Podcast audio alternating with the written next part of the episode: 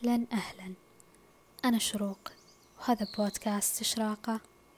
حلقة اليوم بعنوان للكلمة أثر.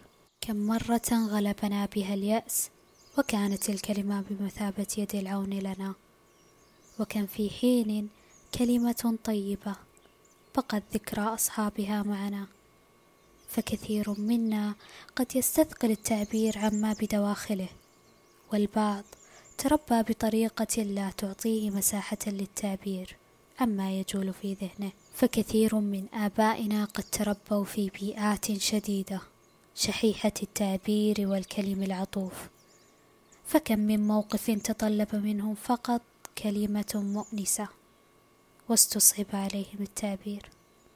وبالرغم من حبهم المطلق لأبنائهم ولكنهم اكتفوا بقول أن الأفعال أبلغ من جميع الأقوال.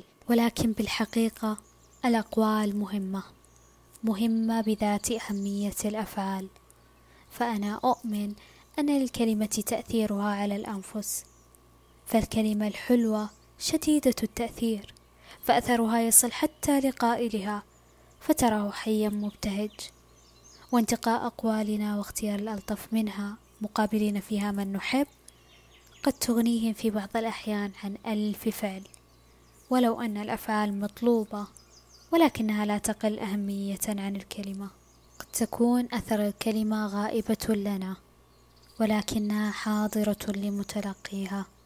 فجميعنا نتذكر ذلك المعلم الذي أحسن لنا بحديثه وذاك الصديق الذي ربت على أكتافنا بيده.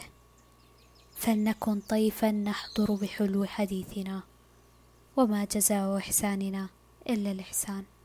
كونوا دائما مشرقين يومكم سعيد.